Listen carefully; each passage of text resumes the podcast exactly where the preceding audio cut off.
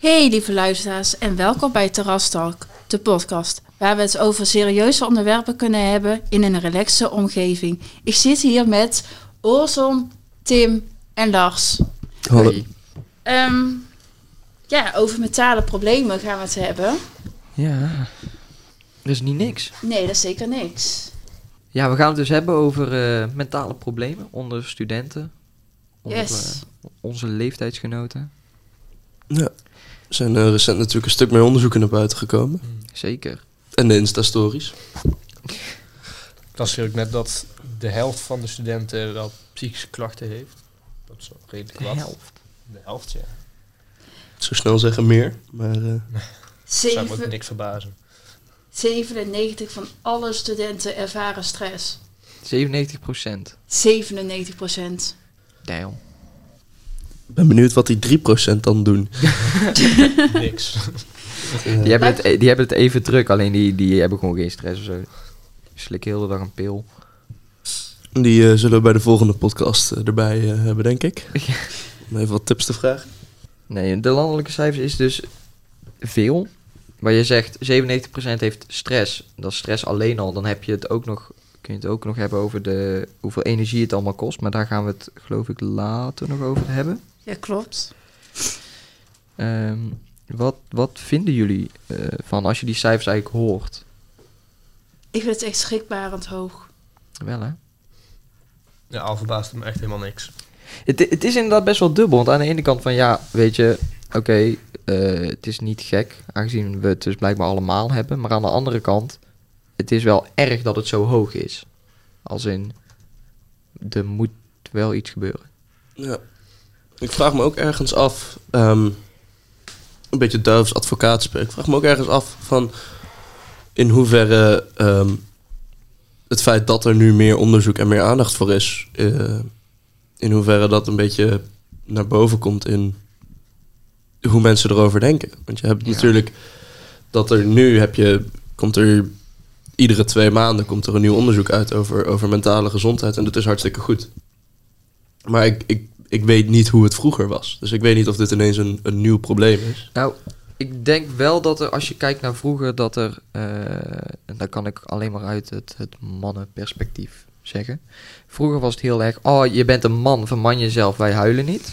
En dat is misschien nu nog steeds wel een beetje, of in ieder geval die, die vibe hangt er, maar het is wel een stuk minder. Ja, Het, het is oké, ook al ben je een gast. Ik bedoel, boeien. boei. Ja. Er zit wel vooruitgang in, maar we hebben nog een, een lange weg te gaan. ja, dat is gelukkig zeker te merken. Ik, eh, ik heb hier ook nog eh, het onderzoek van eh, Erasmus erbij. Ehm, ook dat 80% zich eenzaam voelt. Dat vind ik ook... Dat vind ik heel veel. Ja, Dat is heftig. Denken jullie dat het ook een beetje door de nou ja, afgelopen twee jaar, ik durf het bijna niet te zeggen, het virus komt? de. Dat zal zeker wel een rol Zeker. spelen natuurlijk. Maar ik, dat, dat is zeker wel een, een grote oorzaak. Dat staat ook in het onderzoek dat, ehm, dat, dat dit in heel dat de coronacrisis een belangrijke bron is. Ja. Ik denk alleen wel dat eenzaamheid ook, zeg maar naast dat dan de, de crisis, de, het virus, heel erg heeft meegespeeld de afgelopen twee jaar. Dat het daarvoor heel erg is geweest met de toegankelijkheid tot alles. Je kan op Insta en weet ik het, kan jij iedereen dolgelukkig zien. En als ik dan voor mezelf spreek, jij nooit een relatie hebt gehad, maar je ziet iedereen om je heen het helemaal naar zijn zin hebben met z'n tweeën en jij zit daar ziels alleen. Dat is wel pijnlijk. Ja. Nee, dat kan ik, me, kan ik me zeker voorstellen. Ja, ik heb, daar, ik heb daar wel een tijdje aan moeten wennen. Aan, aan een beetje het, aanpassen van hoe kijk ik naar sociale media. En ehm, nou weet je, dat is natuurlijk dat je als je genoeg andere dingen te doen hebt, dan is dat niet Ja. waar je het meest op zit. Maar zeker tijdens die corona. Ja, ik heb mijn eigen schermtijd eh, die me opneemt. Nou, ik zat tien uur, eh, tien uur per week eh, op Instagram. Of tien uur per dag. En dan heb je dus inderdaad heel erg dat dat je wereldbeeld wordt. Terwijl iedereen allemaal, alleen maar doet alsof. Iedereen is happy die peppy op Insta. Is helemaal niet waar. Dat blijkt ook maar uit die cijfers dat we net hadden. 97% stress en 80 was nou. 80 Eh, eenzamen. bijna 80 procent. Bijna 80%. En dan hebben we het nog niet eens over de presentatiedruk wat we voelen. Als student zijnde. Ja. Ja, Prestatiedruk. ja het- je, we moeten. We moeten wel, want we willen niet te veel lenen. Daar komt er ook nog bij. Ja, daar had ik nog niet eens bij, zeer- bij stilgestaan. Ja. We hebben toch een, eh, onze eigen enquête. Ik ben Ja, eh, even benieuwd gedaan. naar de cijfers daarvan. Die heb ik nog niet gezien. Ja. Die komen redelijk overeen met het eh, landelijk onderzoek. Ik eh, lees even voor. Ik kan ze niet zo goed zien.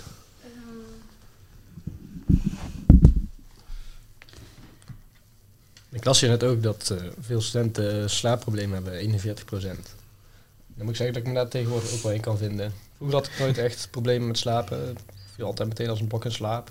Maar de laatste tijd hier eh, met paperdays en zo en deadlines heb ik af en toe nog wel eens eh moeite met in slaap vallen. Ja, dat kan, eh, dat kan ook wel kloppen, want ruim 88% uit onze eigen eh, P8-omgeving komt moeilijk uit zijn bed. Ehm 88 hier. 88 procent. Ehm, we hebben eenzaamheid waar we het over hadden. Dat was ook ruim. ehm, Veel. bijna 40 procent eenzaamheid. Nou, wat me vooral opvalt bij, eh, bij de cijfers van, eh, van moeilijk uit bed kunnen komen... is dat ook niemand beter dan neutraal heeft Ja, ingevoerd. Ja, klopt. Dus er is bij, bij, bij niemand gaat het echt goed. Nee. Dus, Dus eh, dat is... Dat, nou ja, dan denk ik dat zelfs als je kijkt naar die cijfers van... Ik heb sla van andere onderzoeken met slaapproblemen. Nou ja, als ze daar neutraal niet meetellen... Dan, dan als, stel je telt neutraal wel mee... dan zit je nog 25% hoger met cijfers. ja zoiets. ja, het is eh, gek. Denken jullie dat dat eh, alleen maar te maken heeft met bijvoorbeeld schooldruk en eenzaamheid en al die, die andere factoren die we net benoemd hadden? Of stel dat, zoals afgelopen weekend is gebeurd, de, de heet het nou? De klok verzet is. Hoeveel invloed heeft dat bij jullie? Want ik ken mezelf, ik kan, ik kijk een uur langer in bed liggen als we dan zo van zomer naar winter gaan. Dat kan ik goed. Nou, dat vind ik niet erg. Kom maar door. Maar dit vind ik echt een... he- Zeker als je vergeet je klok te verzetten. Dan, eh, dan is dat echt eh, killing. Ik ben blij dat we de enquête hebben afgenomen... voordat het eh, klok verzet werd. Zo, ja. Anders hadden we hele slechte cijfers gehad. Dat is nog erger geweest. Maar ik denk eerlijk gezegd niet dat het heel veel invloed heeft. Of dat uurtje meer of minder slaap. Ja. Nou, ik heb ook ergens het idee dat het ehm, compensatiegedrag kan zijn. Tenminste, wat ik merk bij mij en mijn, een beetje in mijn omgeving. Zeker nu alles weer open is. Ben ik hartstikke blij mee. Natuurlijk top. Maar ja, ik merk nu wel, voor de komende maand heb ik ieder weekend weer wat te doen. En dan ga je dan weer door tot vier uur s'nachts. En dan voel je... Weet je, het is een beetje de, de FOMO van, van het begint eindelijk weer. Ik denk dat dat met het slapen ook wel... eh, Ja. En van het studentenleven. Ik bedoel, Ja, dat mensen dat heel erg in willen halen nu. Ja. Want je hebt mensen die nu al 2,5 jaar studeren, Ja. die nu voor het eerst pas uit zijn gegaan. Dat is echt absurd. En ik zit bijvoorbeeld De- ook bij een studentenvereniging. En de meeste feesten die er geven zijn allemaal door de weeks. Ja. ja, dat ook heel erg inderdaad. Ik heb pas ook een vrijdag gemist door een, eh, door een keertje uitgaan. Dus ik, ik, ik neem aan dat, dat, dat daar ook... eh, ik, denk, ik heb nog niks gezien van dat daar specifiek naar onderzocht wordt. Jullie wel? Nee, maar ik denk dat vooral met dat soort feesten en zo... moet je gewoon voor jezelf de balans zien te vinden. Ja, maar kijk, dan kom je ook weer terug bij het stukje eenzaamheid. Want als jij, eh, zeg maar, dat feest en zo opoffert als student... dan ben je ook veel minder met andere mensen. Dan leer je ook niemand kennen. En dan kom je zo in een soort van, ja, hoe zeg je het? Een loophole. Ja. Dat klopt, en daar heb je zeker gelijk. Daarom bedoel, ik ook met die, met die balans. Want je zegt Oh, dat je ja, het ja. helemaal niet moet doen. Maar je moet natuurlijk ook wel opletten dat het niet ten koste gaat van je, eh, van je verantwoordelijkheden en eh, de schoolcarrière. Ja. Wat bij sommige mensen wel vaak het geval is. Ja, en het is ook zo, in de zomer, we hebben meer zonuren. Waardoor je meer vitamine D opneemt, waardoor je meer energie krijgt. In de winter kom je bijna niet buiten. Dus dan is je energielevel ook een stuk lager. Ja, ik denk dat ik voor velen spreek dat dit wel een van de taaiste januari en februari's waren die we hebben meegemaakt in een hele lange tijd. Want ja, Ja, Ik, eh, en dan zonder lockdown. ja, maar halve, halve Nou, lockdown we, nog toch- tot. we hebben een kleine lockdown gehad, toch? In, ja, wel met regels, maar minder heftig als eerst. Ja. Maar goed, ik kom toch nooit buiten. Go touch some grass. Zeg je? Go touch grass. Ja, maar...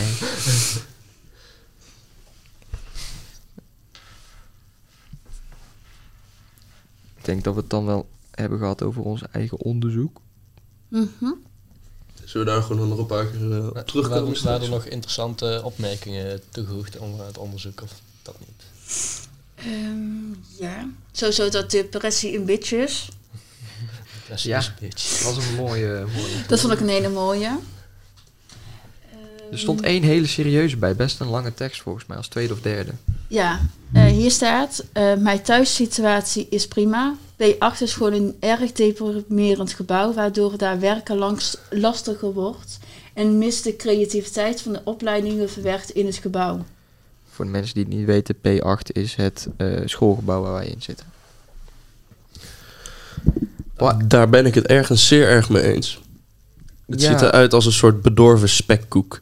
Ja, een betonnen blok met Ja. namen. Het is eigenlijk gewoon een groot. Ze hadden het zeker beter aan kunnen pakken, maar het had ook veel slechter gekund. Daar ben ik, Ik het ook wel mee eh, eens. Ik heb al best wel een aantal scholen gehad voordat ik hier kwam. En dit is toch wel een van de beter uitziende schoolgebouwen. Ja, het is fijn dat het natuurlijk een heel nieuw gebouw is en dat eh, alle faciliteiten gewoon mooi zijn. Maar het mag inderdaad wel iets leuker aangekleed worden. Het is, ik wou zeggen, kijk, het is een goed gebouw als in je kan makkelijk gaan zitten en je kan makkelijk gaan zitten werken. Als in we hebben, we hebben genoeg oplaadpunten en spullen die we nodig kunnen hebben. We hebben alles. Alleen is gewoon hoe het eruit ziet, is een beetje dood of zo. Ik denk dat ze iets te veel inspiratie hebben genomen van ICT beneden. Dat Ja. het, eh, Terwijl ICT beneden wel een hele mooie groene muur heeft met allemaal mos en planten erop. De mosmuur. Ja, Ja, die zegt heel het, is, mooi. het, het lijkt inderdaad alsof het... Beneden zit er veel meer kleur in het gebouw. klopt. Klopt. Dus, eh, Komt misschien ook wel omdat we hierboven natuurlijk dat enorm grote gapende gat hebben vanwege de trap die je beneden hebt. Wat gewoon ja. ja, omhoog niks meer is. Welkom bij de podcast Architectuur Schoolgebouw. Ehm, nee, maar dat, dat, dat, ja, dus ik, ik kan me daar ook wel ergens in vinden. Het is natuurlijk, nou ja, dat is natuurlijk ook echt gewoon per, per mening. En dan moet ik altijd hier aan denken. Dat is een plaatje van de McDonald's dat ik een tijdje geleden tegenkwam. Hoe de McDonald's er vroeger uitzag en hoe het er nu uitziet. Zeg maar, vroeger Ja. was het heel vrolijk en rood en al die kleurtjes. En nu is het gewoon een grijze doos met een beetje... Even de beschrijving van de foto is de McDonald's toen alles nog rood en geel was. En nu hebben ze alles groen en geel gemaakt. Het is eh, moderner gemaakt. Het zijn blokkendozen. Ja. Ik vond die bovenste opmerking ook een hele mooie. Zo van iemand die mentale problemen heeft in een, be een beetje steun of hulp is best ver te zoeken. Dat vond ik ook best wel heftig om te lezen. Ja. Maar hulp... Wacht, hulp is ver te zoeken, zei je toch? Ja. Mhm. Dat klopt ook wel vanwege alle wachtlijsten die er zijn. Als je, als je eindelijk op het punt bent van... Oké, ik, ik, geef, ik geef toe. Ik wil eh, professionele hulp. Dan, dan moet jij op een, wacht, een wachtlijst van weet iemand hoe lang? Volgens mij kapot 25, lang. 30 weken. 30 Zoiets. weken? Ja. Dat is niet normaal. Nee, ik heb inderdaad ook wachtlijn negen maanden of zo, ja. Van een paar, eh, paar vrienden van me, die, eh, die hebben wel eens negen maanden mogen wachten. Wat wel goed is om de- te weten dan voor eh, iedereen, ook mensen die luisteren dan, dat er mogelijkheden zijn op school. Ik weet in ieder geval dat bij ons op school er een, een soort schoolpsycholoog-achtig iemand, ik weet niet, Schooldecanen en schoolpsychologen. Ja. Ja. precies zijn. Die hebben meestal niet zo'n lange wachtrij als normaal. Mm, Ook wel een wachtrij zijn waarschijnlijk, maar Ja, je kan er vrij vlug terecht vergeleken. vergele- met, eh, in vergelijking... Vergelijking met ehm, de GGZ-wachtlijsten is het kort, maar er zijn wachtlijsten. ja, ja, Ik heb voor mezelf heb ik twee maanden moeten wachten om in gesprek te kunnen gaan met de studentpsycholoog. Dat is nog steeds niet normaal. En wij zitten hier te zeggen dat dat kort is. Ja, Ja. Kun je nou maar je moet ook is? niet vergeten, er zijn drie school, eh, studentenpsychologen voor. Nou, wat, hoe- hoeveel studenten zitten Fontes? Veel. Oeh, veel. Ja. En er zijn er maar drie. Die hebben het druk. En dan heb ik het ook over decanen, hè? Ja. Vijf decanen voor heel Fontes. Maar heel font is als in elk gebouw of alleen P8? Nou, alles Heel Fontes. Dus Fontes Eindhoven, Feinto, eh, eh, Nooit. Fontes Veghel, Utrecht, alles. In heel Nederland. In heel Nederland. Ja, maar dat kan niet. Ja, En ik zat hier te twijfelen of het alleen dit maar gebouw de- was. Maar de studentpsycholoog, dat is ook wel een, dat is geen, dat is een tijdelijke oplossing, hè? Ja. Dus dat is gewoon, Ja, als je, je, je Direct. krijgt iets maar van vier, vijf sessies. Zoiets. dat is beter dan niks. nee, Nee, ik heb... eh, er was een optie om eh, gesprekken te hebben met, een, met de schooldecanen. eh, over hoe het nu een beetje gaat. En dat was in januari. Ik weet niet of jullie je daar ook voor aangemeld hadden. Schooldecaan te praten. Ja, daar ben ik langs geweest. Ik ook. Dus, eh, en het was, eh, ik, ik was aan het einde van de dag, dus ik eh, kon even een kwartiertje of een half uurtje meer eh, meepikken, wat wel fijn was. Toen had ik ook op een gegeven moment gevraagd van, nou, eh, hoeveel studenten eh, heeft, heeft u nu eigenlijk? Zij heeft voor vier weken lang om het half uur fulltime een student gehad. Dat is echt heftig. Wij wonen de hele dag alleen maar met studenten aan het praten, gewoon over... eh, En één stuk door. En toen vroeg ik van, nou... eh, ik, ik vroeg even naar van, nou ja, wat ik verteld had, hoe, hoe, hoe ver komt dat overeen met wat anderen aan het zeggen zijn? Nou, die heeft dus ook nog die vier weken, ieder half uur, hetzelfde verhaaltje gehoord. Ik ben moe, ik heb er geen zin meer in. eh, alles, in alles in die richtingen. Dus dat was ook echt, dat, ik dacht van, wauw. Dus, eh, Maar hoe kunnen we dat op... Of nou, we... Hoe kan dat worden opgelost? Is dan de vraag. Ligt dat, ligt dat in de politiek? Ligt dat bij eh, Marky? Of eh, waar, Ja, ik- waar ligt dat? Ik vind het punt van hulp überhaupt wel even leuk om het over te hebben. Want ehm, ja, eh, ik, ik weet niet. op- Hulp wordt wel vaak gezien als van ja, naar de psycholoog gaan. Maar ik denk dat een beetje onderschat wordt hoe erg je hulp uit je naaste kan halen. Klopt. Dat klopt. Zo, ook gewoon alleen al erover praten met iemand of voor jezelf opschrijven. Dat kan ook al heel veel dingen doen. Zeg maar om je hoofd op een Ja. rijtje, je gedachten op een rijtje te krijgen. Ja, Als je alleen maar in jezelf zit te malen, dan... eh, ja ik, heb een, ik heb al een heel aantal vrienden die, eh, die het echt nooit over hebben. En als je er dan naar vraagt, dan krijg je een... Ja, wel goed. Dus, het, dus misschien dat ze... Van wat ik ook heb gehoord is van... ja, van, eh, sorry. van dat hulp ver weg is. Of wat, wat zei ze precies? Zei die precies? Ja, een beetje steun of hulp is best ver te zoeken. best ver te zoeken. Ja, ik, ik, ik denk ook dat dat gewoon voor jezelf is. Van waar moet ik het überhaupt zoeken? Ehm, omdat je natuurlijk ook gewoon met mensen om je heen erover kan hebben. En ja, tuurlijk is dat niet iemand die ervoor getraind is, maar wel iemand die jou kent. Ja, gewoon even je hart luchten scheelt veel. Ja, Kan veel schelen. maar die, die stap die is heel erg groot om te zetten. Om daar... Om, als, als jij in je vriendengroep daar zeg maar, het nog nooit over gehad hebt, dan kan het misschien voelen als een soort taboe die je moet doorbreken. Terwijl ik denk dat als je dat doet, er alleen maar, eh hoe heet dat? Herkenning komt. Ik, Ja. bedoel, ik met mijn vriendengroep ook, wij hebben het, nou ja, het is niet dat wij het daar nou echt vaak over hebben of zo. Het is alleen dat wij, wij maken er continu ja, grappen over. Om het er wel een soort van over te hebben. En op het moment dat wij merken van, oké, deze grap wordt iets te vaak gemaakt. Dan is het wel dat we even appen van, yo gast, eh, gaat het? Ja. Nee, die, die ken ik ook heel erg. ik, ik, ik merk ook wel ehm, dat zodra wij in onze vriendengroep er meer over zijn gaan hebben, dat we ook gewoon wel closer werden met elkaar. Tuurlijk ben je dan wat kwetsbaarder en, en, en heb je het er wat meer over. En, en deze gesprekken beginnen vaak gewoon op een dronken avond. Dat je met z'n tweeën om, om drie uur s'nachts op een stoeprandje zit. Maar ja, dan, dan is het een stuk makkelijker daarna om het, om het er een keertje overdag over te hebben. Als je wel nuchter bent. Het zal er ook wel wat meer nuttigs uitkomen waarschijnlijk. Ja, waarschijnlijk. Ja, we kunnen ook weer terugkoppelen naar wat, zeg maar, vroeger was meer de instelling van you gotta man up. Maar wat dit gebeurt dus, dat zie je steeds meer tegenwoordig, denk ik dan, dat gewoon eh, mensen zich toch wel kunnen uiten onder elkaar. Ja. Ja. En dan gaan we het nu hebben over presentatiedruk. Ja, Prestatiedruk. Ja, allebei. Allebei. yes. Presentatie en prestatie. Daar hebben wij, als het goed is, ook vragen over gesteld. eh, in onze enquête. Dan zullen we even in ieder geval van, van de mensen van onze Volgens mij locatie weten. was het iets van 88% dat ze presentatiedruk voelen.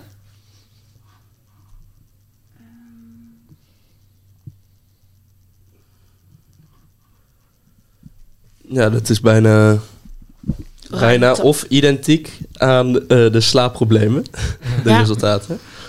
Nou, daar hebben we dus gelijk een verband eh, gevonden. Ja. Of, nou ja, waarschijnlijk. Is hier ook dat er eh, niks beter is dan neutraal? Niks beter dan neutraal. En neutraal is minder dan een kwart Oké. van de resultaten. Dus eh een derde van de respondenten heeft eh, helemaal mee eens gezegd. Dus eh, ja, hoe, hoe, hoe denken jullie een beetje dat dat daarvan komt? Nou ja, ik denk dat school de grootste factor is. Ik denk dat ouders ook wel een grote factor Ik is. zeggen, ik denk dat daarna ouders of familie Is dat nog steeds zo, ja? Tenminste, dat is bij, mij, bij mij zelf wel altijd zo geweest. Want mijn vader die is eh, vrij succesvol ondernemer. Dus er werd altijd heel veel van mij verwacht vroeger. Dat heeft er destijds wel voor gezorgd ook dat ik juist meer het tegenovergestelde ging doen dan wat er van me verwacht werd. Gewoon puur omdat ik dacht van, hier ga ik nooit, eh, Ja. nooit tegenop kunnen, zeg maar. Nee, ik heb het ook wel. Ik heb, ehm, weet dat, als je kijkt naar mijn, bijvoorbeeld mijn CITO-toets op het, op het basisschool, omdat ik dit weet, zegt misschien ook nog wel wat. Die was zo hoog dat ik makkelijk VWO zou moeten kunnen. En ik heb, ben een keer blijven zitten op de HAVO. Dus het is zeg maar heel erg dat mijn ouders waren van... Ja, je moet dit makkelijk kunnen, jongen. Dus stel toch niet zo aan, zus en zo. Dat ik denk van, ja, maar ja. Weet je, en zo zijn ze nu nog steeds. Soms wel minder, omdat ik heb gezegd, laat me gewoon met rust. En dat zeg ik vijf jaar lang. Dus ze leren het eindelijk. Maar de- het is wel iets wat, wat, wat meespeelt. Ja, ik ervaar presentatiedruk voornamelijk vanuit mezelf. Ook deels wel van mijn moeder. Ehm, ja, mijn moeder leeft niet meer. eh, dus ik heb een soort van presentatiedruk van... Ik moet presenteren om haar trots te maken. Ehm, vanuit de rest van mijn familie ook wel een beetje. Ik heb ook serieus wel eh, met hun in gesprek gegaan van... Luister, ik voel een druk vanuit jullie. Maar helaas daar ik nog steeds geen antwoord eh, op terug had. Wel gewoon totaal genegeerd. Dat is ook echt kut. Ik vind het wel ballen dat je daarover begint. Ja, Ja. En dan weet je ook meteen wat je aan ze hebt. exact. Als ze er niet op reageren, dat überhaupt in heel veel dingen is dat, eh, dat goed. Exact. Wel goed dat je dat doet allebei. Want het, is, het kan best lastig zijn om gewoon je voet neer te zetten. Allemaal bij je ouders. Want ja, Ja, directe familie kan... eh, hoort heel sportief te zijn. Maar ik weet ook dat dat niet altijd eh, is. Nee. Wat gek is trouwens. ja, maar ze willen natuurlijk gewoon het beste met je voor. Dus dat zo zien en, en dan denk ik. Maar, Ja, maar er hoort negeren niet bij. nee, Klopt. nee, absoluut niet. Nee, ja, ik, ik heb wel een beetje een, een, een raar perspectief hierop. Omdat ik vanuit mijn ouders dit, dit nooit echt veel heb gemerkt. Daarom vroeg ik het ook, en, ook even aan jullie. Ehm, eh, dus ik heb niet echt naar, naar mijn familie toe of zo een, een, een prestatiedruk. Alleen ik heb ergens wel dat ik een. ehm, dat ik denk van ja, als het nu niet lukt, die heb ik vooral. Gewoon niet, niet per se druk van iemand, maar meer prestatieangst. Faalangst, zou ik meer zeggen dan. Ehm, omdat je dan denkt van ja, weet je, stel, nou, ik ben nu eh 21, word 22. Ja, als ik nu nog een keer naar een andere opleiding moet, dan ben ik 23 in mijn eerste jaar. En dan voor mij persoonlijk denk ik dan van hoe begint het nu niet later worden? Mijn broer is al bezig met zijn master. Je, het, is- nooit, ik heb nooit echt druk van anderen ervaren. Ik, ik leg het mezelf gewoon een beetje op. Dus ik, ik, ik denk ook dat, ja, eigenlijk op alle manieren dat... eh, en als ik het binnen 10 jaar niet haal, mag ik eh 40.000 euro terugbetalen. Wat is het? Ja, te veel. Te veel? Ja, dat is een beetje de... Heet dat? Bang voor de toekomst of zo? Ja. Zeg maar, ik heb dat dan wel een beetje met... eh, als je kijkt naar bijvoorbeeld de huizenprijzen. Dat ik denk van, ja, maar shit, ik, ik moet mijn opleiding wel halen. Wil ik een goed betaalde baan krijgen? Wil ik een huis ooit kunnen kopen? Waar ik Ja. nou, zeg maar, zelfs nu al jaren voor aan het sparen ben... om maar gewoon een flinke buffer te hebben op mijn rekening... dat ik, dat ik ooit een appartement of huis kan kopen. En in je eentje gaat het zeer waarschijnlijk nooit lukken. Dus je hebt iemand anders nodig, een partner. Want dat is echt niet te doen. Ik heb pas een eh, verhaal gehoord van mijn broer. Daarover dat eh, twee vrienden van hem legaal getrouwd zijn met elkaar. eh, om samen een appartement te, moeten, te kunnen kopen. En dit was vier jaar geleden. Oh. Dus dat is nu waarschijnlijk nog lastiger. Ja. Maar dat. eh, dus die moeten, als zij later werkelijk gaan trouwen met hun partner, moeten ze legaal scheiden van elkaar. Wat wel een. eh, maar ja, dat. Dat je mensen een, een. Dat een financiële situatie zo is dat je mensen een homohuwelijk in, in Forceert. dwingt bijna. Ja. Om, om een woning te kunnen hebben. Dat slaat natuurlijk nergens op. Een huurwoning nog ook. Een- Een appartement huren. Daar was dat al voor nodig. Welkom in Nederland. Dat zie je wel eens vaak Ja. de laatste tijd. Dat was ook op, eh, was nou, op Tinder eh, kwam een meid voorbij, die had ook in de, bio, in de bio staan. Ik ben op zoek naar iemand om een hypotheek mee af te sluiten. Moet. Ik denk dat ik bij het volgende bouwdorp gewoon langs ga. En dan vraag ik, hey, kun je deze laten staan? En dan eh, ga ik daar gewoon wonen. Gewoon een hut timmeren. Maar dat is wel echt hoor. Want het, het gemiddelde huis, het gemiddelde koophuis op dit moment kost gewoon 4 ton. Ja. Ja, Vier ton. vier ton. Ja, wat, ik, wat misschien ook nog een, een, een extra factor kan zijn. Stel, ik, ik woon nu op kamers. En eh, st- zou, stel, ik zou van school af moeten nu. Dan is het voor mij onmogelijk om nog in die kamer te blijven wonen met de huur. Ik heb 400 euro huur per maand. Nou ja, die, de, het feit dat ik kan lenen, dat, nou ja, daar ben ik eigenlijk op dat moment al best wel blij mee. Ehm, maar ja, dat, dat, dat is eigenlijk ook nog een extra drukpunt van mij. Van stel, ik haal het niet in deze twee jaar. Ja, dan moet ik weer bij mijn ouders gaan wonen of zo. En dat is niet echt een optie. Dus ik denk dat daar ook... ehm, zeker bij meer, zeker met hoe moeilijk het nu is om kamers te vinden. Stel, je moet naar een andere, andere stad toe voor je opleiding. Als je het niet haalt. Dan eh, geloof ik dat daar ook wel eh, extra druk bij komt kijken. Ja, zeker. En dat zorgt ook weer voor stress. Zeker. Even kijken. Ehm, Want over stress... ehm, goeie segue. ja, yes. ja. Is het, eh denken jullie, is alleen school? Want laten we eerlijk zijn, school is sowieso een factor in, ik denk, bijna alles wat we hier bespreken. Ja. Stress hoort bij het leven. Klopt, maar tot zekere hoogte. ik denk dat we daar ver overheen zitten met z'n allen. Ja. En wat, wat jij toen straks zei over, eh, Orson, over hoe het dan vroeger was. Ik ben ook wel benieuwd hoe, hoe erg die, die stress en zo veranderd is. Dat kan toch niet zijn dat alleen door corona of door een andere generatie alles zo ver- verhoogd is? Nou, ik... Of was het in- vroeger ook, maar gingen ze er gewoon nooit, durfden ze er niet over, praten, over te praten? Nou ja, wat ik... Ik, ik weet gewoon natuurlijk nog niet hoe, hoe mogelijk het nu is. Maar er is heel erg een, een idee ingedramd van... Ja, je moet...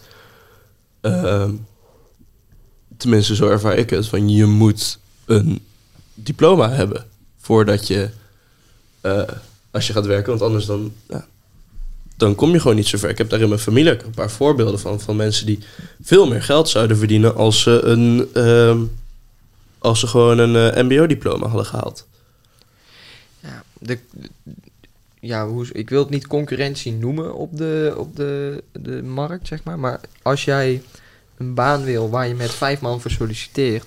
en jij kan nog zo goed zijn en jouw kwaliteiten kunnen drie keer zo goed zijn dan iemand anders... maar als die een hbo-diploma heeft en jij hebt dat niet, dan ben je gewoon de lul. Ja. Dan, dan kan je zo goed zijn als je wil, maar dan moet je echt een, een heel nice bedrijf hebben, willen ze jou daarboven kiezen. En als ze slim zijn, doen ze dat, want je bent beter en ze kunnen je legaal dan ook nog wel iets minder betalen dan iemand met een HBO-diploma. Dus eigenlijk is het voor bedrijven veel slimmer om dat te doen. Maar goed, waarom doen ze het niet? Ik heb geen idee. Ja. En daarbij, sommige bedrijven nemen je niet aan omdat je te veel diploma's hebben. Een vriendin Ja? van mij, ja, een vriendin was had gesolliciteerd op een baan en er is letterlijk tegen haar gezegd: luister, we kunnen jou niet aannemen, want je hebt te veel diploma's. Dit- Weet je dat dit klinkt als het begin van een hele slechte grap? Het is echt geen grap. Nee, ik geloof je, ik geloof je. Het is gewoon... Het, het- ik wil het gewoon bijna niet geloven, zeg maar.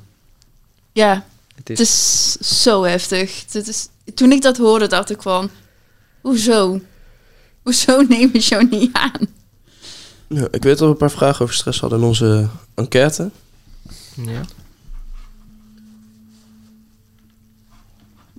Dus even kijken, natuurlijk. Maar Mel, wat jij net zegt- net zegt van stress hoort bij het leven. Ja, dat klopt wel. Maar ik ben eigenlijk niet mee eens met eh, in de zin hoe het op dit moment stress in ons leven past. Ik bedoel, je zal- iedereen zal vast wel een keer stress ervaren. Maar op dit moment de meeste, hebben de meeste mensen wel dagelijks stress of wekelijks. En dat vind ik eigenlijk al te veel, zeg maar. Ja, ik vind het eigenlijk ook wel ergens een mooi, mooi punt. Want ergens ben ik het er wel mee eens dat stress erbij hoort. Eh, ik zelf registreer vaker dat ik denk van oké, wat voor een stress is dit? Bijvoorbeeld als ik stress, om, als ik stress heb om geld. Dat voelt vervelender dan als ik stress heb om... hé, hey, wat, wat wil ik eigenlijk gaan doen nu? En je, zo stel van, hé, hey, wat wil ik het volgende half jaar met mijn leven doen? Daar heb ik ook stress om. Maar dat is minder vervelende stress dan, ja daar dan je- kut, ik moet, ik moet mijn zorgverzekering binnen zes dagen betalen. Als ik een mannetje voor mijn deur staan. Weet je, dat... Dus... Ja, en ik, ik heb ook nergens gezien hoe dat... eh, onders, nou, hoe, of daar onderscheid tussen, tussen genomen wordt in onderzoek. Want beide is een vorm van stress natuurlijk. Maar dan heb je inderdaad die goede stress. Dus van, nou ja, wat wil ik met mijn leven doen? Dat is goede stress. Klopt. Je moet zeg maar stress hebben over eh, de dingen waar je ja, makkelijk is, is te makkelijk gezegd, ha, Eh, waar je makkelijk invloed over hebt of zo. Ja. Waar, je- waar jij de enige bent die er invloed Ja. over heeft. Ik zal eens even kijken, waar hadden we de stressvraag staan? Dat vind ik wel meteen de vervelendste soort stress. Welke? Als je er wel zelf iets aan kan doen. Ja. Nee, ja, dat... Nou, dat- Kijk, zo'n stress van bijvoorbeeld, eh, eh, stel je werkt in de horeca en het is spitsuur, het is gewoon heel druk. Ja, dan kun je ook wel stress hebben, maar dan kun je niks aan doen. Je- Het enige waar je kan doen is gewoon, eh, gewoon je werk doen, weet je wel. ja. Maar als je stress hebt vanwege iets wat je, wat je zelf moet doen, maar eh, je krijgt het maar niet eh, voor elkaar of je kan de motivatie maar niet vinden. Dat, ja, dat dus is heel uitdagend, weegt- ja. Weegt dat veel meer op mij dan de andere soorten stress. dat snap ik ook wel. Maar sowieso, stress zorgt er wel ervoor dat je dingen voor elkaar krijgt. Tot op zekere hoogte. het moet niet zoveel stress hebben dat je... ehm, Gedemotiveerd raakt. ja, of dat je Ja. bevriest of Ja. wat dan ook. Ik bedoel, hoe dealen jullie met eh, een te hoge stresslevel? Niet? Nee, ik, eh, ik meestal gewoon, dan eh, komt er helemaal niks meer uit. Dan ga ik gewoon eh, op bed of op de bank liggen en Ja. dan eh, hopen dat het wel overwaait.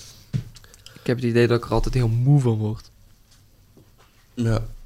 Ik eh, las net wederom op, de, op het onderzoek van Erasmus dat ik blijkbaar onderdeel ben van een derde van de jongeren die zijn gaan blowen tijdens de corona.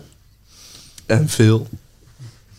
Dus, eh, dus inderdaad, ik denk dat als, ehm, je, als je de stress hebt van ik wil van ja, ik, wat wil ik met mijn leven? Hoe wil ik dit oplossen? Maar je hebt niet de ruimte of de middelen om dat op te lossen, dan, dan heb ik het idee dat dat bijna de ergste vorm kan zijn. Want dan blijf je alleen maar jezelf ingaan. En ik weet van mezelf dat ik toen heel, heel veel ben gaan blowen. Dus, eh, en wat ik hier ook lees, is dat eh, echt super veel studenten veel meer zeggen. Ik kan me nog herinneren, ehm, na zes maanden van de eerste lockdown was er een onderzoek gekomen van supermarkten en coffeeshops naar de hoeveelheid alcohol en wiet die er verkocht werd. Ik weet niet meer precies de cijfers, maar ik kan me ergens vaag herinneren dat het meer dan 100% stijging was. Dat, ik geloof Dat is hoog. meteen. En, en dat is dus omdat alles dicht was, dan kon je niks doen met de vraag: wat wil ik doen? En dan denk je van, nou oké, ik wil gewoon even naar een concert om even uit te rusten. En dan daarna wil ik dit gaan proberen. Nou, moet Oh, dat nee, alles is dicht. Nou, dan, nou, dan zak je helemaal in. Nou, moet ik zeggen dat die van de alcoholverkoop kan ook wel een beetje misleidend zijn natuurlijk. Want aangezien de kroegen dicht waren, als supermarkt dan nog maar de enige plek. Dat waar is een zeer goed punt. halen. Daar heb ik nog niet over nagedacht. Hebben jullie ehm, door, door de sluitingen en zo, ja, jij dan blowen wat je zei, Eh, maar hebben jullie iets meer alcohol gaan drinken of weet ik het, iets in die richting? Mm, nou, tijdens, ik, eh, tijdens coronatijd heb ik inderdaad ook heel veel gebloot. Maar daar ben ik eh, sinds een tijdje al mee gestopt. Dus dat gaat me goed af. Ik ook. Netjes. Ja, voor mij is het herkenbaar. Niet met blowen, maar ehm, met andere soorten drugs. Ehm, ik heb daar zelfs ook een tijdje in een soort van afkikkliniek gezeten. Ik eh, ben echt cold turkey afgekikt, zo moet ik het zeggen. Ehm, nu gaat het gelukkig goed en eh, heb ik het onder controle. Nou, mooi. Nou, die, het, het, het cold turkey stoppen, dat... eh, ik ken die inderdaad. ik heb toen een week niet kunnen slapen. Toen was stoppen ineens heel makkelijk. Maar wat is, wat is cold turkey, als ik mag vragen? Want gewoon in één keer stopt. Gewoon. Gewoon in één keer stoppen. gewoon van alles naar Gewoon niks. van alles in één keer naar niks. Oké, knap. Ja, Ja, dat kan heel erg intens zijn. Geloof ik. Ik heb echt eh, niks gedaan. ik ben sowieso ben ik pas heel laat gaan drinken, zeg maar, los van corona en zo. Dus ik denk dat dat bij mij ook wel meespeelt. Maar ik heb echt, denk ik, niet veel gedaan. Oh wel. Ik, heb wel, ik ben wel veel meer thuis gaan drinken en dan via, via een, een Teams of weet ik veel Discord of zo met maten gaan zitten. Eh, en dan een biertje erbij. en mijn borrelen. Ja. Maar goed, Dat zou je anders op het terras doen. Dat is herkenbaar. Ik heb ooit een keer een borrel gehad, een lijnborrel. We zijn om 7 uur in de avond begonnen en om 9 uur in de ochtend zijn we gestopt. Indrukwekkend dat je dat online volhoudt.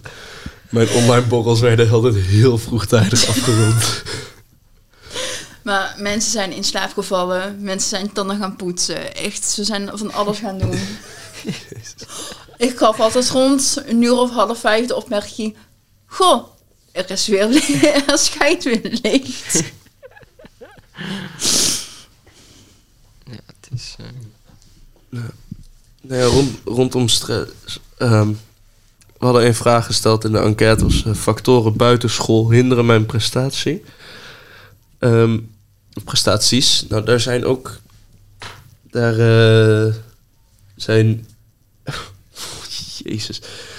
Ruim 70% is het daar mee eens of heel helemaal mee eens. Dat factoren buitenschool prestaties hinderen. Ehm, Oké, die had ik niet verwacht. Nou, factor nummer 1, corona en lockdowns. Ja, Ja, klopt. Nou, ik, ik, ik, ik vraag me heel erg af van... Nou ja, misschien hebben we de vraag iets te algemeen gesteld. Denk ik. Maar ja, echt dat... Dat er zo danig veel verwacht wordt van... Van jongeren op het moment. Dat 70% het blijkbaar te druk heeft naast school... Om zich goed te focussen op school. Dat vind ik wel heel veel. Terwijl school wel je, je, je main thing moet zijn. Je, je hoofdding. Ja. Nou, dat geldt natuurlijk lang niet voor iedereen. Bijvoorbeeld, eh, ehm, stel eh, je bent eh, mantelzorger voor iemand. Dan zou dat natuurlijk wel het main ding zijn. Klopt. Ja. En eh, Nee, ik weet, ik weet persoonlijk ben ik op het moment bezig met, eh, met een bestuursjaar. Mijn tweede bestuursjaar op een rij. En ik had alles helemaal mooi uitgepland. En vervolgens valt onze voorzitter weg. Ehm, nou ja, die taken hebben we op kunnen vangen, maar dat is echt chaos geweest. En nu valt onze penningmeester ook nog weg. Dus nu moeten we echt super hard haasten om nog een extra penning. En nou ja, het, het werk wat daarop is gekomen, daardoor, daar had ik me niet op voorbereid. Daar had ik me niet voor ingeschreven. Dus ik weet nu ook gewoon dat ik, nou ja, vaak als ik nu een vrij uurtje heb op een middag en energie om wat te doen, dan kies ik 9 van de 10 keer ervoor om die energie aan het bestuur te besteden. En niet aan school. Omdat het bij, weet je, bij, bij school ben ik de enige die er de dupe van is. Bij bestuur is de vereniging voor 100 man. Dus dat, dat is voor mij persoonlijk, is dat echt dat die factoren buiten school dus gewoon mij eigenlijk compleet hinderen. Ja. Maar ja, dat is ook wel weer van ja, ik wil in het bestuur zitten voor die sociale, weet je, die verantwoordelijkheid, die sociale interactie. Misschien ook wel een beetje werkervaring. Ja, ik denk dat ik meer leer van, eh, van dit bestuursjaar dan van eh, mijn komende twee jaar school. In eh, hoe ik met dingen om moet gaan. Dus dat is ergens wel fijn. Maar ja, het is gewoon zonde dat ik nu weet dat ik... Eigenlijk aan het begin van het jaar al wist, ik ga dit jaar niet halen. Ja, Dus, eh, mooie intro om eh, het volgende onderwerp te bespreken, energie. Ja. energie. En de verdeling daarvan. Ook dat. Ik heb het idee dat er altijd, zeg maar, eh, wij hebben op een dag heb je zeg maar 100% energie, maar er wordt soms 150 gevraagd. Ja. Ja. En voor mij ook sinds ik begonnen ben met studeren weer, heb ik echt het meest verkapte slaapritme wat ik ooit heb gehad. En dat wil ook niet echt meehelpen. ja, ik merk ook iedere keer als ik dan toch besluit om om twee uur in mijn bed te gaan liggen... dat dat dan altijd is als ik de ochtend erna om kwart over zes in de trein moet zitten. Ja, dat, ja dat, dat, dat hindert ook gewoon, want dat blijft, dat trekt de hele week door. Want je mist één avond mist. Is jullie slaapritme zeg maar wel eh, ongeveer hetzelfde? Als in je gaat elke avond of nacht ongeveer op hetzelfde tijd eh, pitten? Alleen of, of Ik probeer wel altijd voor 12 uur in mijn nest te liggen. Maar ehm, zelfs als dat lukt, dan eh, eh, is het vaak nog steeds zo dat ik me dag daarna nog steeds hartstikke moe voel. Waarschijnlijk omdat ik gewoon geen vast ritme heb. Ja, ik zelf lig tussen half elf, elf uur in bed. En dan rond tussen elf en half twaalf ga ik slapen. Een stuk eerder dan eh, mijn gemiddelde. Ja, maar ik heb gewoon echt mijn slaap nodig. Het is Ja, echt... Ik ook. ik ook, maar ja. Ik heb meestal dat ik, eh, dat ik rond, eh, ja, waar is het? Het verschilt heel erg. Ik denk ergens tussen, tussen 11 en 12 naar boven gaan, naar, naar, mijn, naar mijn nest. En dan ga ik nog even filmpjes kijken op YouTube of Netflix of weet ik veel wat. En dan ben ik meestal tot, eh, ja, het verschilt ook. Als ik moe ben tot 1 uur. En anders kan ik echt tot eh, half drie, drie uur nog, eh, nog, nog dingen liggen kijken. Ja. Ik kan, ik kan dat alleen maar in het weekend. Ja, nee, ik doe het echt elke avond. Ik probeer er wel rekening mee te houden als ik weet dat ik moet opstaan, dat ik acht uur slaap heb. Want dat is wel het, wat, het, mijn richttijd. maar al zit ik in een aflevering, ik zie, oh, het duurt nog een half uur, dan denk ik meestal bij mij oh, zeven uur kan ook nog wel. Ja. het verschuift een beetje. Nee, ik heb... Ja, ik heb zeker voor de afgelopen maand mis ik denk ik anderhalve week aan slaap. Gewoon wat je in een anderhalve week normaal zou slapen, dat heb ik gewoon gemist volgens mij. Ehm, en wat ik dan ook vooral merk is als ik dan drie, vier dagen wel goed slaap, dat dat niet helpt. Zo, maar dat is een goeie. Je kan doen wat je wil, maar nou, dat heb ik dan Ja. ook. Het, ik, ik, blijf, ik word wakker en ik denk, god, ik ben nou al moe.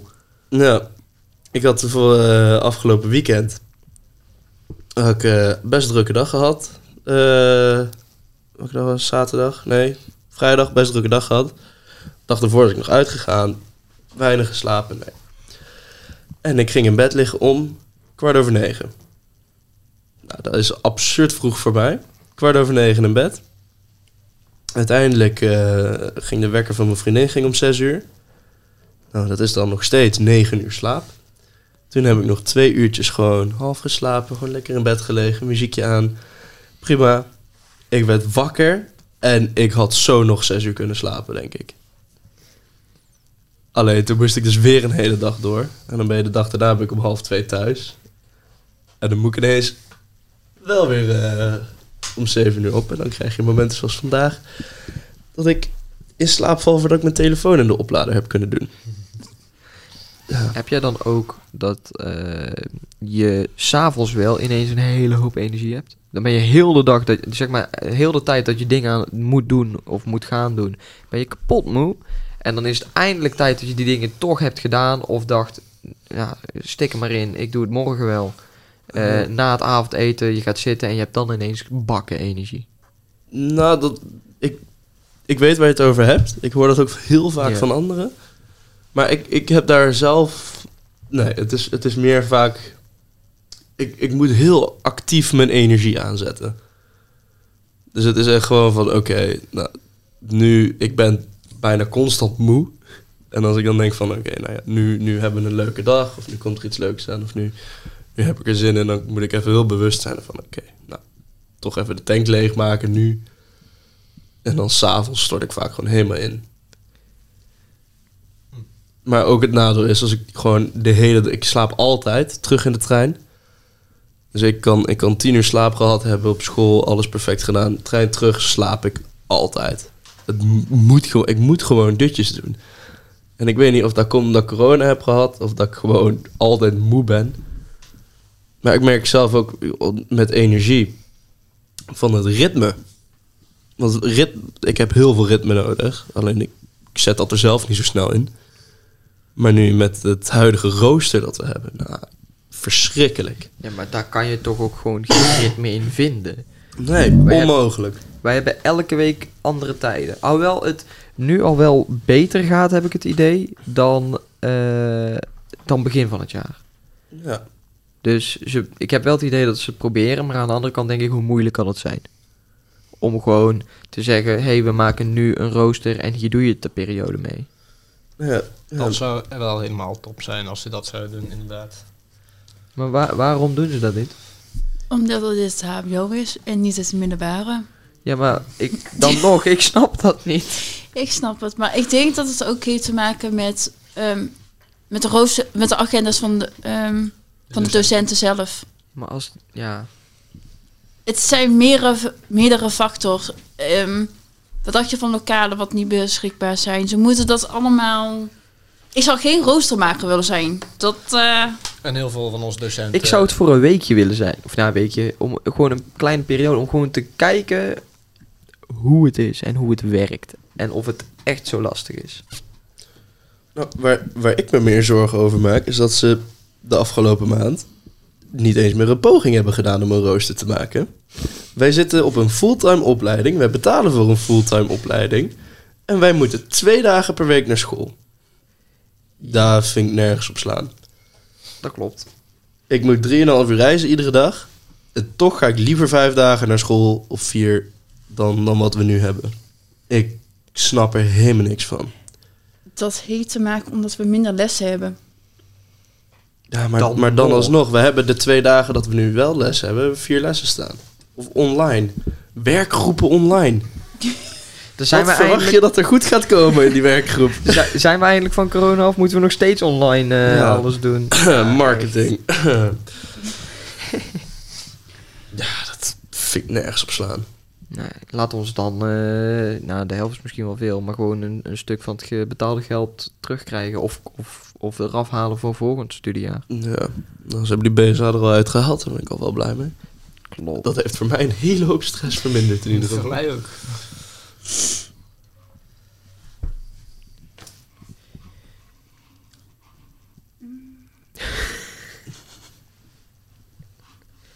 Ik zet daar een keer-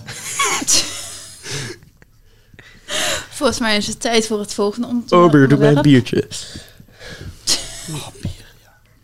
Lekker pietje.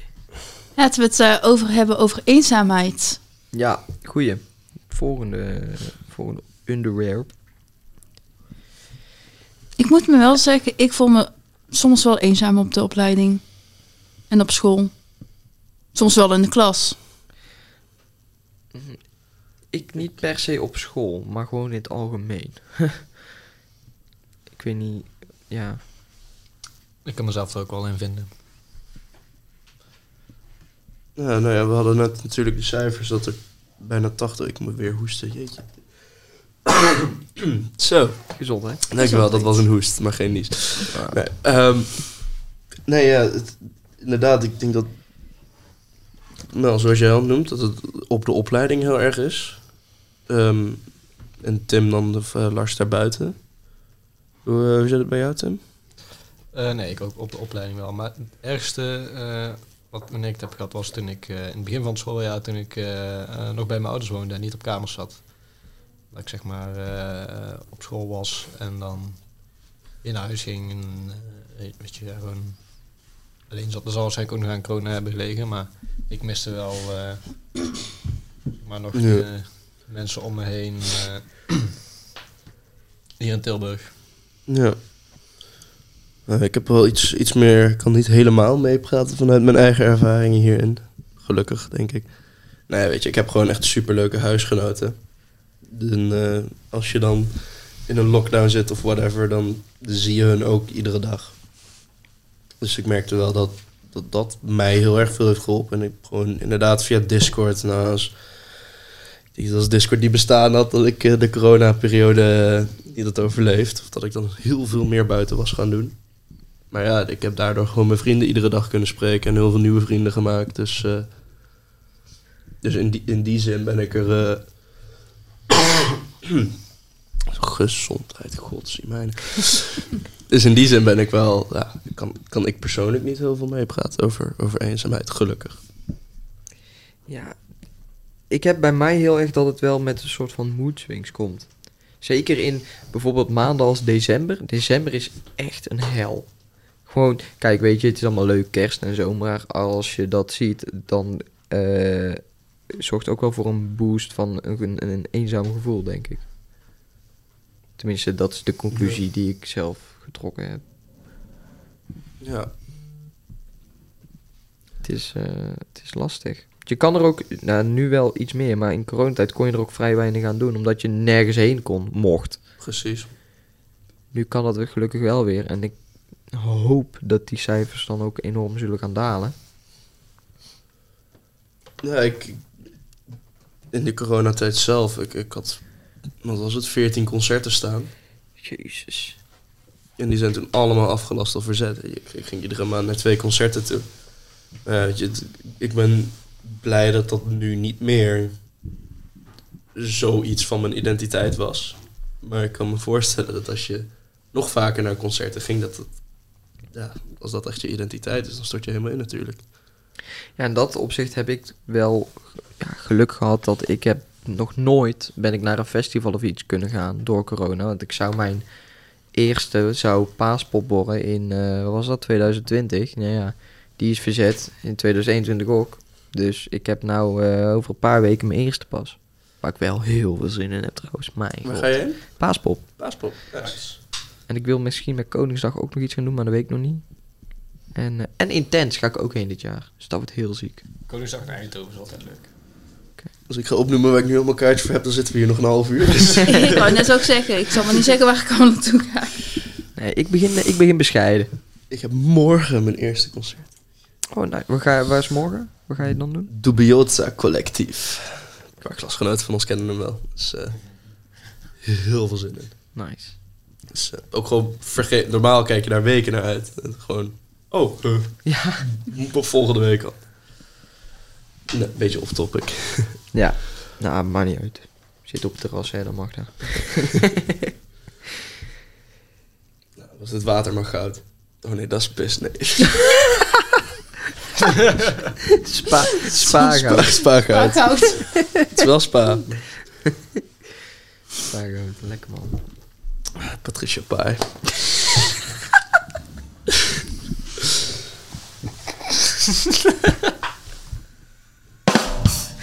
Dankjewel. Maar goed. Ehm, ja, ja, ik, ja ik, heb, ik heb bij eenzaamheid... Hoe, hoe, hoe ervaren jullie de eenzaamheid dan meer? Want, hoe, Ik- hoe uitzicht dat? Ik, ik- ja. ik denk dat het, dat het dat, zonder eh, heel wanhopig te klinken of zo, hè, dat het een soort van verlangen is of zo. Ik bedoel, ik ben nou twintig, ik ben nog niet eens ontgroend Ik bedoel, dat, dat, Ja, dat ik denk van ja, het, het wordt wel tijd nu, hè? ja dat is... En niet dat daar per se een sociale druk op zit van oh je moet, je moet. Want ik weet wel dat iedereen zegt van boeien, neem je tijd. Ja. Maar het is wel gewoon dat ik zit van ja, maar dat is gewoon, ja, het is gewoon kut. Ja. Ik heb, ik heb tenminste gewoon van, van een beetje je comfortabel voelen rond, rond nieuwe mensen. Als je gewoon een paar keer jezelf compleet voor lul zet. Ja, dat schijnt echt geweldig te helpen. Dus als je, ja... Nou, weet ik niet. nou, het weet je, niet, eraan. niet te veel natuurlijk, Ik- maar er zitten natuurlijk limieten aan. Als je echt als een complete, ja, Ja, ik, complete mogol gaat rondrennen, dan natuurlijk ook niet. Maar het ding is, ik sta met mijn met mijn mooie kop, sta ik ergens eh, heel diep op YouTube in een eh, latex glitter blauwe broek. dus ik heb mezelf wel redelijk voor lul gezet. Alleen, dat is toch anders dan openbaar. Ja. Nou ja, is het... Ja. Zou dat dan een beetje zijn van, van fear of rejection? Weet je, Ja. de af, afwijzingsangst? Sowieso. En dan is het enige wat je kan doen is gewoon, gewoon, eh, gewoon gaan en boeien. En je ziet het Ja. maar. Want dat, dat... Ik heb altijd het idee dat, dat eh, afwijzingsangst altijd heel erg gefocust wordt op, op echt partners. Weet je, dat je echt, echt op relaties en, en daten en zo. Maar ik denk dat het met... Dat het veel breder zou kunnen zijn nog. Tuurlijk. Gewoon, Ja. gewoon op school en naar een nieuwe opleiding. Alleen dan, dan, dan hoor je mensen er niet zo vaak over dat ze daar bang voor zijn. Gok ik. Nou, ik denk, ik merkte bijvoorbeeld aan mezelf dat ik begin van het jaar ehm, had ik het gevoel van, oh, het is een warme klas, het is een lieve klas, we kunnen hier open met elkaar praten. En ik heb dat nu een stuk minder dan aan het begin van het jaar. Ja. Ja. Ja, dat is natuurlijk, weet je, je hebt, je hebt altijd wat meer groepsvorming. En, en wat ik misschien ook heb is, nou ja, we hebben, we hebben periodes dat we elkaar vier, vijf weken niet zien. Rond de tentamens. Dat is echt Ook. Als ik dan op school kom, ik heb het gevoel alsof ik jullie niet meer ken. Iedere keer. Dus dan kom ik op school en zo, oh ja, jullie, jullie bestonden ook nog, weet je. En dan, Ja, dat vond Nou ik ja. ook heel erg zonde. En de Ja, dat- lockdown, wat er ook nog tussen heeft gezeten. Ja, en dan, en dan heb je dat je natuurlijk de klik met mensen misschien een beetje kwijt kan raken. Ja, Ja. Maar Tim, jij had het ook nog eh, van eenzaamheid. Hoe, hoe, hoe uit dat bij jou zich? Hoe uit dat bij mij zich eigenlijk merk wel als gewoon Of hoe uitte? uit, eh, Uit, ja, uitte. Ik, ik ben ook niet altijd de spraakzaamste, maar dat wil dan natuurlijk niet zeggen dat ik geen behoefte heb aan sociale contacten. Dus Ja. dan zit ik wel bijvoorbeeld eh, in de klas en eh, mensen zijn allemaal leuke gesprekken aan het voeren. En denk ik van, ja, dus dan wil ik nog wel eens iets zeggen en dan komt er geen reactie op. En denk ik van, nou, weet je, laat dan maar weer zitten. En dan ga ik wel gewoon weer verder eh, op mijn laptop, eh, weet je wel. Ja, die is pijnlijk. Die kent iedereen wel, denk ik. Ja, maar het is wel herkenbaar wat hij zegt. Er is Ja. niks zo pijnlijk als wel, wel willen, maar er gewoon niet tussen kunnen komen. Ja, ja ik, ik, heb, Ja. ik heb heel erg geluk gehad dat ik in zo'n groep zat. eh, echt in de tweede of zo. Dat ik, dat ik echt zo'n zo'n meelopertje was. Dan leer je het wel sneller. nee, maar ja, dat, dat- Ja, dat is gewoon een beetje een, een, een, een kring vinden. Of ja, ja, dat is echt super. Want dan begin je, dan, dan stap je een beetje van eenzaamheid af en ga je helemaal naar identiteit toe en interpersoonlijke relaties. En ja, dat, dat zijn echt onderwerpen die je niet in een uur podcast kan bespreken natuurlijk. Nee, zeker. Nee. We zijn ook al eh, een uur bezig nu, dus gaat lekker. Zijn jullie klaar voor nog een uur? Maar ook wat ik in het begin zei, een stukje eenzaamheid. Toen ik nog bij mijn ouders woonde, dus eh, vooral met het stukje tijdens de corona-periode, dan... Weet je, je, je kon wel in, in, in Tilburg blijven naar de rand, maar het is allemaal zo'n gedoe om... eh, en, en de reistijd, en ik ging toen ook altijd nog met de auto, want ik was te laat met het aanvragen van mijn OV. dus dan, dan zat ik hier thuis op de bank en dan zag je allemaal berichtjes voorbij komen van... Oh ja, we zitten nou in het park, eh, wie komt er allemaal? En dan eh, zit je daar en ik ja, ik kan wel komen, maar kan Ja. niet. Ja, ik, ik, ja, zelf kan ik er echt weinig over kwijt. Gelukkig, slash helaas voor het onderwerpen. Maar Nou, nee, maar eh, mooi voor jou. ik wel. Ja, hebben jullie nog gewoon algemeen tips voor onze luisteraars? Poeh. Ja, wat we al eerder gezegd hebben, praat erover, denk ik. Met, met, Ja. met vrienden. Ik merk zelf altijd dat vrienden makkelijker gaat dan familie. Omdat, ja, ik weet eigenlijk niet waarom, waarom maar ik weet niet, vrienden is... eh, Ja, En hoe vaker je het doet, hoe makkelijker het wordt. ja Ik, heb bijvoorbeeld, ik kom zeker. uit een, uit een gezin bij ons, eh, werd nooit echt over emoties gepraat. Dus daar ben ik ook altijd heel lang heel slecht in geweest. Ik denk echt tot anderhalf jaar geleden kon ik het ook helemaal niet doen zonder te huilen, zeg maar. ja. Maar ik heb dat gewoon steeds meer gedaan, want mijn vriendin heeft mij er heel veel mee geholpen. En ehm, ja, nou gaat het Ja. wel beter en Nee, dat, heel eh, erg op. dat plus één ik echt heel erg. Dat is echt mijn, eh, mijn coping geweest voor, eh, voor een flink lange tijd. Gewoon constant, als ik het er met tien mensen over gehad heb, dan weet ik al veel beter hoe het moet. En ehm, ja, ook gewoon een beetje, nou ja, een beetje recent van mijzelf, een tip. Gewoon focus even op wat je echt belangrijk vindt. Weet je, ik, als je je geluk laat bepalen door hoe het gaat op school of, of door vrienden of, of, of weet ik veel wat, ja, dan, dan allemaal, allemaal extern is dat. Ja, dus, dus zoek het gewoon even wat meer in jezelf. Weet je, voel ik me goed? Kijk wat jij belangrijk vindt en niet wat de mensen om jou heen voor jou belangrijk vinden. Ja, Want om jou heen zal merendeel, tenminste als ik uit eigen ervaring spreek, school zeggen. Terwijl ik denk van ja, maar misschien wil ik wel helemaal niet school en wil ik gewoon eh, fulltime gaan werken waar dat ik nu al werk. ja. En dat is een pittige keuze. ja, Ja. dat is ook heel vervelend om in die nadenksessies te zitten.